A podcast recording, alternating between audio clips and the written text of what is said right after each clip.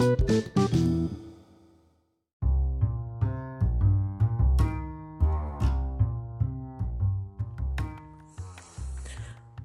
jumpa lagi dengan saya Christian Guswai. Kali ini saya akan membahas sebuah topik bagaimana penjualan terjadi.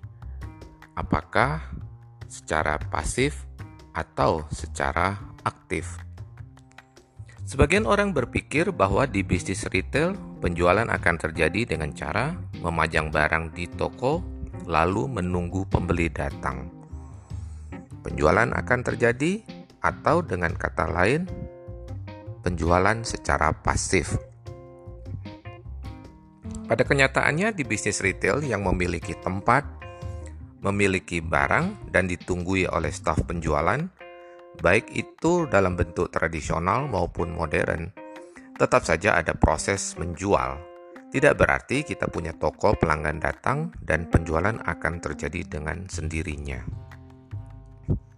Pada dasarnya ada dua jenis penjualan, yaitu penjualan pasif dan penjualan aktif. Penjualan pasif dimulai dengan layout toko yang memungkinkan pelanggan nyaman untuk memasuki toko, melihat-lihat barang, lalu memutuskan untuk mengambil barang yang dia inginkan.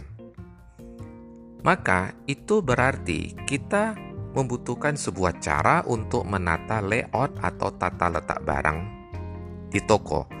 Kemudian tata letak display barang sehingga barang mudah dilihat, dicari, dan diraih oleh pelanggan.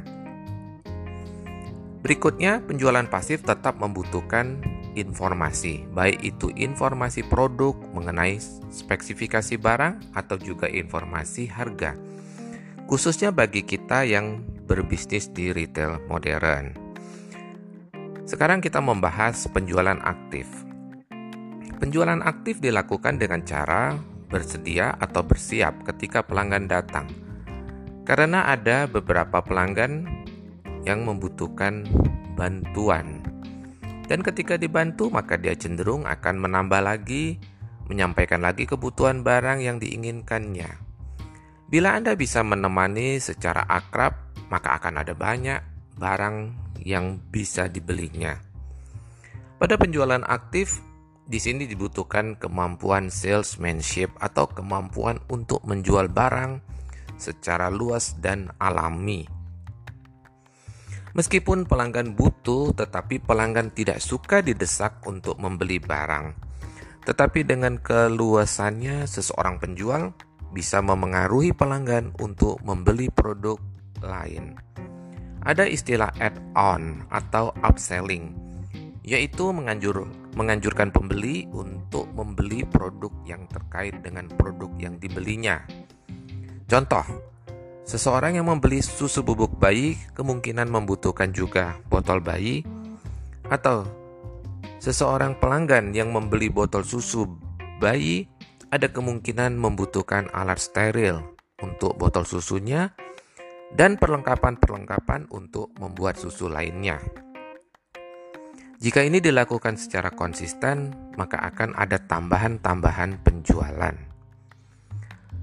Penjualan aktif juga dilakukan dengan cara melakukan kegiatan marketing dan komunikasi dengan berbagai media yang ada, baik itu media offline maupun media online.